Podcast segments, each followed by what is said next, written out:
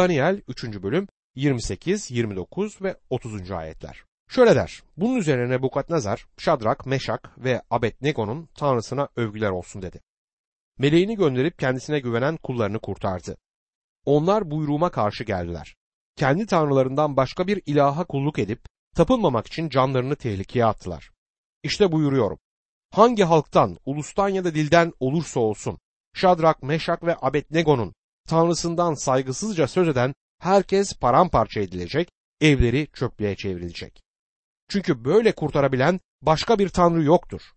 Sonra Şadrak'ı, Meşak'ı, Abednego'yu Babil ilinde daha yüksek görevlere atadı. Nebukadnezar'ın bu açıklamasında şahsi bir nokta yok ama her şeye kadir olan diri Tanrı'nın kudretini ve bu üç gencin kurtuluşlarında gösterdiği gücü kabul eder. Ve kendi ilahlarından daha üstün olduğunu da itiraf eder. Bu da bizlere Nebukadnezar'ın bu konuda olan düşüncesinin tamamıyla değiştiğini göstermektedir. Bir sonraki bölümde ise onun kişisel tanıklığını okuyacağız. İnanıyorum ki Nebukadnezar gerçek ve diri olan Tanrı'yı tanımaya başladı. Bu adamın yıllarca içinde yoğrulduğu putperestlik inancından çıkıp kurtulması uzun bir zaman aldı. Şimdi bu üç İbrani gencin tekrar Nebukadnezar'ın gözünde lütuf bulduğunu görüyoruz. İki kez ölüm cezasına çarptırıldılar. İki kez mucizevi bir şekilde kurtuldular ve iki kez de tüm bu olayların sonunda terfi ederek üst konumlara yükseltildiler. İşte değerli dostum Rab İsa Mesih de aynı şekilde kendisine ait olanları yeryüzünde koruyabilecek güçtedir. Bu güvence her birimize teselli vermeli. Bakın Yuhanna 10. bölüm 27 ve 28. ayetler bizlere nasıl sesleniyor? Koyunlarım sesimi işitir. Ben onları tanırım. Onlar da beni izler. Onlara sonsuz yaşam veririm. Asla mahvolmayacaklar. Onları hiç kimse elimden kapamaz. Ve Yuhanna 17. bölüm 11 ila 15. ayetlerde ben artık dünyada değilim ama onlar dünyadalar. Ben sana geliyorum. Kutsal Baba, onları bana verdiğin kendi adınla koru ki bizim gibi bir olsunlar. Onları dünyadan uzaklaştırmanı değil, kötü olandan korumanı istiyorum der İsa Mesih. İbraniler mektubunda ise İbraniler 7. bölüm 25. ayette bu nedenle onun aracılığıyla Tanrı'ya yaklaşanları tümüyle kurtaracak güçtedir. Çünkü onlara aracılık etmek için hep yaşamaktadır der. Ve bu konuda sizlere son olarak 2. Timoteus 1. bölüm 12. ayeti okumak istiyorum. Bu acıları çekmemin nedeni de budur. Ama bundan utanmıyorum. Çünkü kime inandığımı biliyorum. Onun bana emanet ettiğini, o güne dek koruyacak güçte olduğuna eminim der Elçi Paulus. Sevgili dostum sen ve ben sıkıntı dolu bir dünyada yaşıyoruz. Tanrı'nın çocuklarından bazıları ateşli fırına girecek. Ama Rabbimiz oradan da onları dışarı çıkarıp koruyabilecek güçtedir. Sorun gerekli olduğu gibi ona yeterince güvenme sorunudur. Duam şudur ki bu üç delikanlının sahip olduğu iman bizlerde de olsun. Daniel 4. bölümde Nebukadnezar'ın köküne kadar kesilmiş ağaçla ilgili rüyasını ve kralın sonraki çılgınlık dönemini inceleyeceğiz. Bu bölüm bize Nebukadnezar hakkında daha önce bildiklerimizden daha fazla bilgi aktarmaktadır. Aslında pek hoş görünmeyen kirli çamaşırları da vardır. Nebukadnezar'ın bir tür ruhsal hastalığı vardı. Bu bölüm Babil'in arşivlerinden çıkarılmış bir tarih sayfasıdır. Nebukadnezar'ın hastalığı bugün anlaşılmış durumdadır ve bazı dünya liderleri de bu aynı hastalığa sahiptir. Akıl hastaları ve davranış bozukluklarına özel bir önemin verildiği bir zamanda yaşıyoruz. İçinde yaşadığımız bu dünyada kişinin nasıl normal olacağını bazen merak ediyorum. Bir psikoloğa sorarsanız insanların çoğunun normal olduğunu, bazılarının anormal olduğunu ve bazılarının da dahi olduğunu söyleyecektir. Kimin sağlıklı, kimin sağlıksız olduğunu söyleyecek olan kimdir? Standart ölçü çoğunluğun davranış şekli midir? Birkaç kişi karşı çıktığında buna anormal gözüyle bakabilir miyiz? Çoğunluğun yaptığının doğru olduğunu söyleyecek olan peki kimdir? Bu oldukça tartışmalı bir konu olurdu ve çoğunluğun normal olduğu düşüncesini korumak zorlaşır. Shakespeare'in oyununda Hamlet deli gibi görülür. Densmark'tan diğer anormal kişilerin yaşadığının düşünüldüğü İngiltere'ye gönderilmişti. Geceleri yatağının altında birisinin olduğunu düşündüğünden uyuyamayan bir adamın öyküsü anlatılır. Gece sık sık uyanıp yatağının altına bakarmış. Sonuçta bir psikiyatriste gidip durumu anlatmış. O da şöyle demiş. Bu önemli bir sorun ve sanırım sizi 10 seans görmem gerekir. Her seansın yaklaşık 100 lira tuttuğunu düşünürsek adam düşüneceğini söyleyip ayrılmış. Bir daha da geri gelmemiş. Bir süre sonra psikiyatrist yolda ona rastlamış ve neden tekrar gelmediğini sormuş. O da bir marangoz arkadaşının sorununu çözdüğünü söylemiş.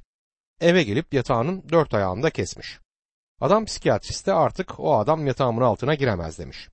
Sanırım birçoğumuzun herhangi bir konuda biraz anormalliği var ancak Nebukadnezar'ın gerçekten de sorunları olduğunu göreceğiz. Nebukadnezar'ın tanıklığına bakalım. Daniel 4. bölüm 1, 2 ve 3. ayetler. Kral Nebukadnezar dünyadaki bütün halklara, uluslara ve her dilden insanlara şu bildiriyi gönderdi. Esenliğiniz bol olsun. Yüce Tanrı'nın benim için gerçekleştirdiği belirtileri ve şaşılası işleri size bildirmeyi uygun gördüm. Belirtileri ne büyük, şaşılası işleri ne yüce. Krallığı ebedi krallıktır. Egemenliği kuşaklar boyunca sürecek. Nebukadnezar'ın bu güzel tanıklığı onun imanındaki gelişmeyi göstermektedir. Daniel 3. bölüm 29. ayette bir emir yayınlayıp inancını ortaya koymuştu. Burada da kişisel bir tanıklıkta bulunmaktadır. Oradaki emirdi, buradaki ise bir karardır. Orada kanaati söz konusuydu, burada ise tam bir inanma söz konusudur. Tarihsel sıralama açısından bu tanıklığın bölümün sonunda yer alması uygun olurdu. Çünkü buradaki adanmışlığından uzaklaşmaktadır. Nebukadnezar krallığında bulunan tüm halklara, uluslara ve dillere esenlik mesajı yollar. Ulusların arasında barıştan söz etmez çünkü güçlü ordusu ve çok daha fazla gücü sayesinde zaten barış sağlanmış durumdadır. Burada Tanrı tarafından kabul edilince günahlı kişinin yüreğini dolduran esenlikten söz edilir. Bu bölümde de göreceğimiz gibi ona bu esenlik verilmişti. Aynı zamanda Yüce Tanrı'nın kendisi için yaptıklarından da söz etmektedir. Tanıklığı kişiseldir. Tanrı artık yalnızca üç İbrani gencin tanrısı değildir. O ayrıca Tanrı'nın mucizelerine, işaretlerine ve egemenliğine de tanıklıkta bulunmaktadır. Tanrı'nın krallığının ve yasasının kendisininkinden üstün olduğunun da farkındadır. Nebukadnezar'ın sözüne ettiği esenliğin insan yüreğine gelmesi ancak Tanrı'yı bilmesiyle mümkündür. Romalılar 5. bölüm 1. ayette böylece imanla aklandığımıza göre Rabbimiz İsa Mesih sayesinde Tanrı'yla barışmış oluyoruz der. O bu barışı çarmıhtaki kanla sağlamıştır. Bu barış Mesih'in ödediği ceza sayesinde günahlının yüreğine gelebilmektedir. Tanrı artık bu kişiden yanadır. Dünyadaki tüm sorunların ve dertli yüreklerin altında yatan neden günahtır. İşler doğru gitmeyebilir. Bir genç bana şöyle dedi. Kendimle barışık değilim. Ailemle, öğretmenlerimle barışık değilim. Kimseyle barışık değilim.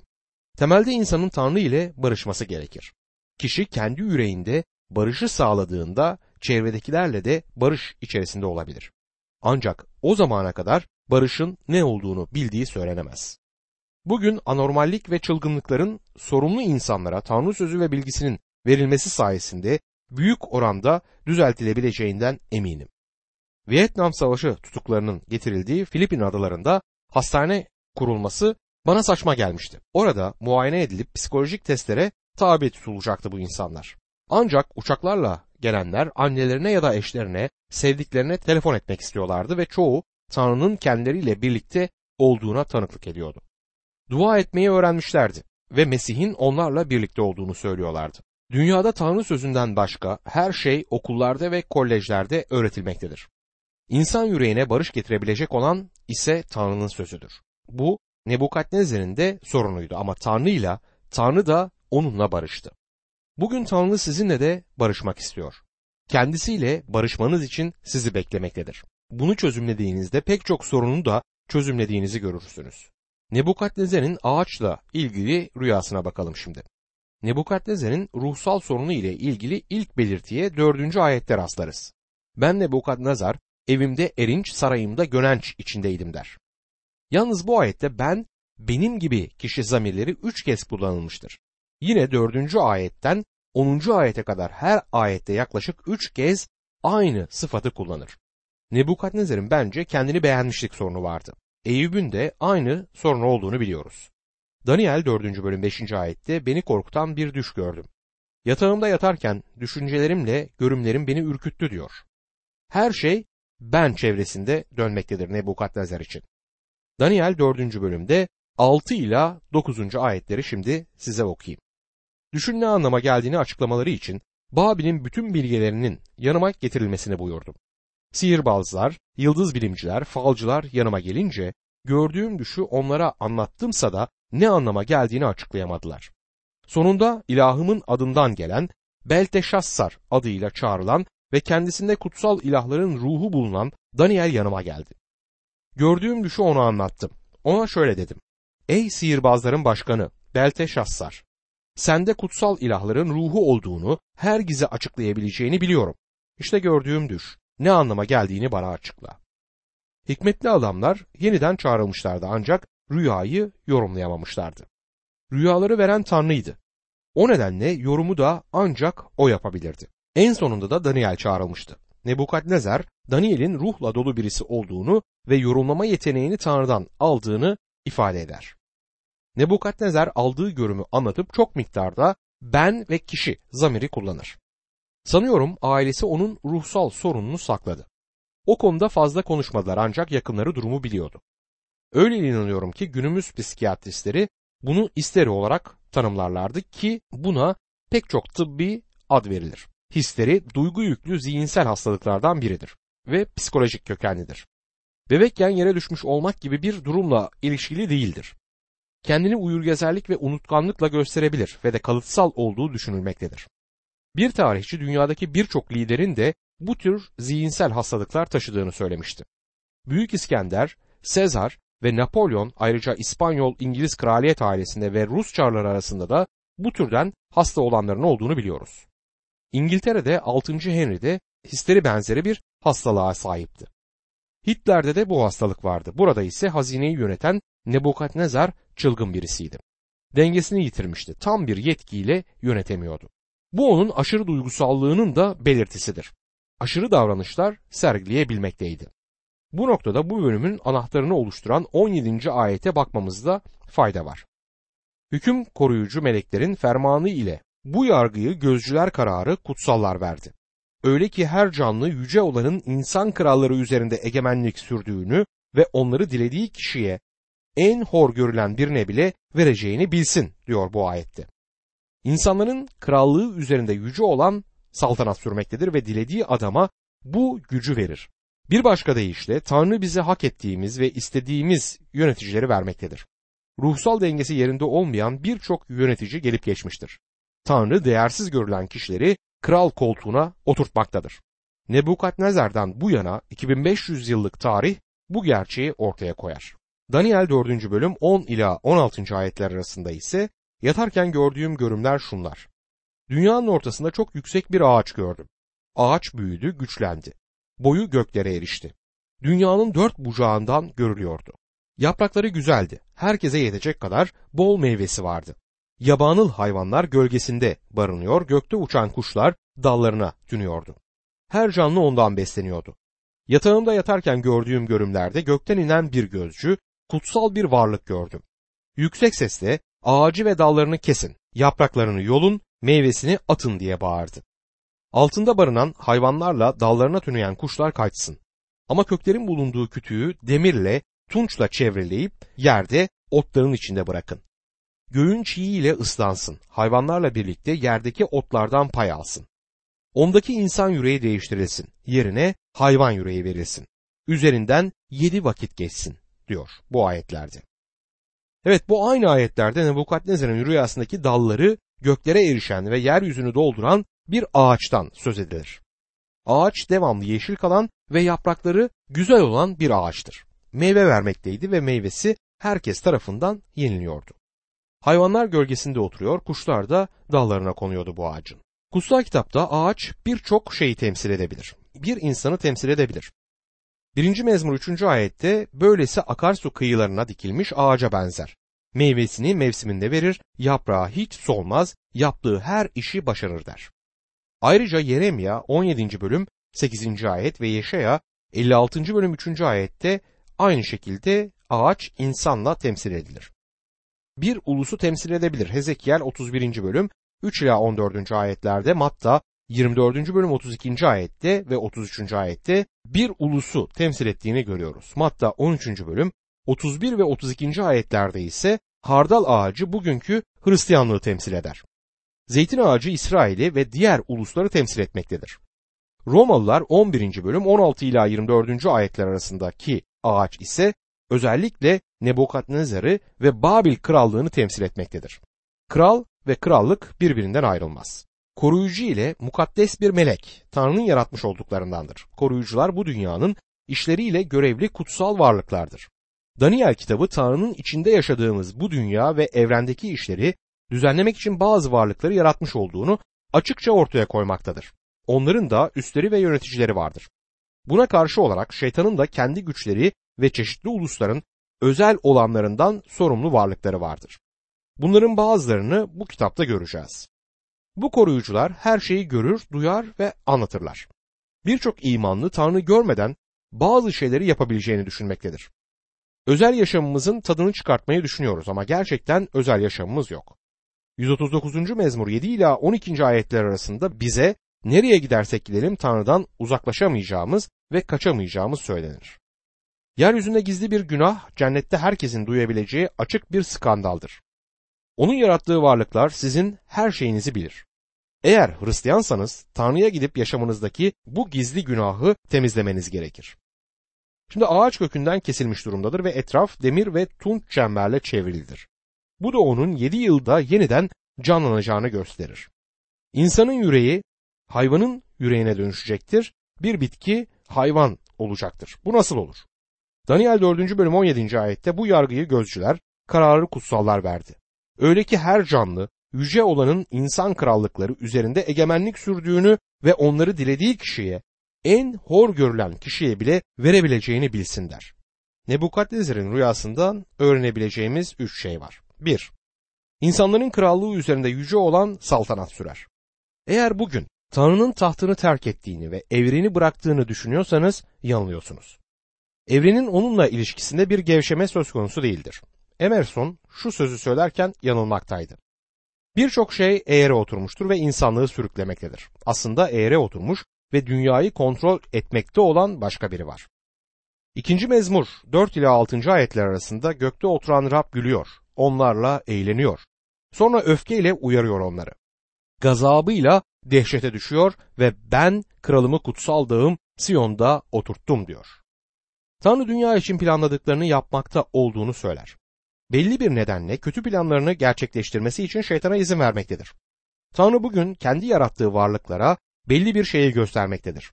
Şeytan hakkında kutsal kitaba uymayan birçok şey söyleniyor.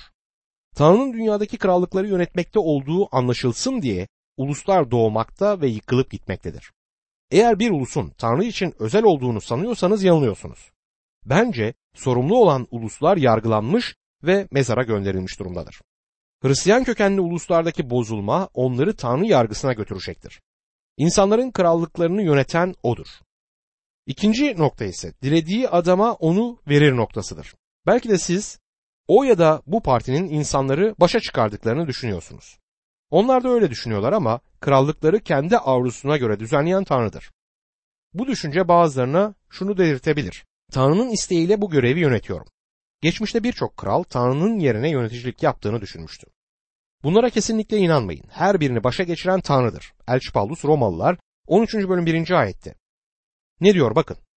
Tanrı'dan olmayan yönetim yoktur. O halde niçin Tanrı bazı güçlerin dünyayı yönetmesine izin veriyor? Bunun yanıtını yine Tanrı kutsal kitapta, kutsal sözünde bizlere vermektedir. Üçüncü dikkatlice bakılması gereken nokta ise şudur. Tanrı yönetimi dilediği kişiye en hor görülen birine bile verebilir. Bu ifade her bir partinin hangi siyasi görüşü olursa olsun herkesin alçak gönüllü olmasını sağlamalıdır. En iyi kişileri seçtiğiniz kanısındaysanız yanılıyorsunuz. İnsanlık tarihini okursanız bunu görebilirsiniz. İngiliz tarihini okuyunca onların atalarının epey kan döktüğünü görüyoruz. Onlar da bazı yöneticileri de çok kötüydü. Diğer ulusların tarihlerine de bakın. Kansız olan bir ulus tarihi görmek mümkün değil. Öyle inanıyorum ki Tanrı insanların en aşağısını onun üzerine dikmekte ve layık olduğumuz yöneticileri başımıza getirmektedir. İnsanlar hükümetten, kongreden ve birçok şeyden yakınabilirler. Onları seçip başa getirenler biziz. Tanrı en aşağı durumdaki kişilerin başa gelmesine izin veriyor. Bu hepimizin aklını başına toplamasını sağlamalıdır. Bir ülkede liderlerin gözüne girmeye çalışan birinin bu ayetten söz edeceğini düşünmek bile zordur. Bu oldukça şaşırtıcı bir ayettir. Tarih bu sözün doğruluğunu ortaya koyar. Hazinenin başındaki Nebukadnezar dengesiz olmakla birlikte dünyanın ilk krallığını kuracak kadar da zeki bir adamdı. Kim olduğunu bile bilmeyecek kadar aklını kaçırdığı zamanlar oldu. Daha önce de söylediğimiz gibi birçok dünya liderinin de buna benzer sorunları vardı. Daniel 4. bölüm 18. ayette işte ben kral Nebukadnezar'ın gördüğü düş. Şimdi ey Belteşassar bunun ne anlama geldiğini söyle. Çünkü krallığımdaki bilgelerin hiçbiri bu düşün ne anlama geldiğini bana açıklayamadı. Ama sen açıklayabilirsin çünkü kutsal ilahların ruhu var sende diyor. Şimdi ise Daniel bu istekten sonra Nebukadnezar'ın rüyasını yorumlayacaktır. İlk olarak Daniel'in yorumladığı ağaç rüyasına bakalım. Daniel 4. bölüm 19. ayet. O zaman öbür adı Belteşassar olan Daniel bir süre şaşkın şaşkın durdu. Düşünceleri onu ürküttü. Bunun üzerine kral, ey Belteşassar, bu düşte yorumu da seni ürkütmesin dedi. Belteşassar, ey efendim, keşke bu düş senden nefret edenlerin yorumu da düşmanlarının başına gelseydi diye karşılık verdi diyor. Rüya Daniel'i sarsmıştır. Nebukadnezar Daniel'in arkadaşıydı. Daniel de başbakanıydı. İlk rüya Nebukadnezar'ı yüceltmişti ancak bu rüyada durum farklıydı. Kötü olan taraf Daniel'in bu rüyayı krala açıklamakta isteksiz olmasıdır. Daniel her şeyi Nebukadnezar'e anlatmasını gerektirecek düşüncelere karşı çıkar. Daniel bu rüyayı yorumlamakta kararsızdır. Rüyayı krala olduğu gibi yorumlaması gerekir. Buna benzer şekilde bir doktorun ölümcül bir hastalığa yakalanan hastasına gerçeği söyleyip söylememesi soruyu ortaya atılabilir. Bence yaşamının en önemli adımını atmak üzere olan birinin gerçeği bilmeye hakkı vardır. Birçok insan doktorundan iyi şeyler duymak ister. Ancak doktor çok zor olsa da gerçekleri söylemek zorundadır ki yardım edebilsin. Daniel de Nebukadnezar'a her şeyi anlatacaktır. Ancak yöntemini iyi seçmelidir. İlkin ona rüyadaki iyiliğin kralın düşmanları için olduğunu söyler. Daniel 4. bölüm 20, 21 ve 22. ayetlerde büyüyen, güçlenen, boyu göklere erişen, dünyadaki herkesce görülebilen bir ağaç gördün. Yaprakları güzeldi, meyvesi herkese yetecek kadar boldu. Yabanıl hayvanlar altında barınır, gökte uçan kuşlar dallarına tünerdi. Ey kral, o ağaç sensin. Sen büyüdün, güçlendin. Büyüklüğün giderek göklere erişti. Egemenliğin dünyanın dört bucağına yayıldı, diyor. Ağaç, Nebukadnezer'i simgelemektedir. Güçlenmiş ve büyümüştür. Dünya lideri haline geldi. O günkü uygar dünyayı yönlendirmekteydi. Buradaki resim Nebukadnezer ve egemenliği ile ilgilidir.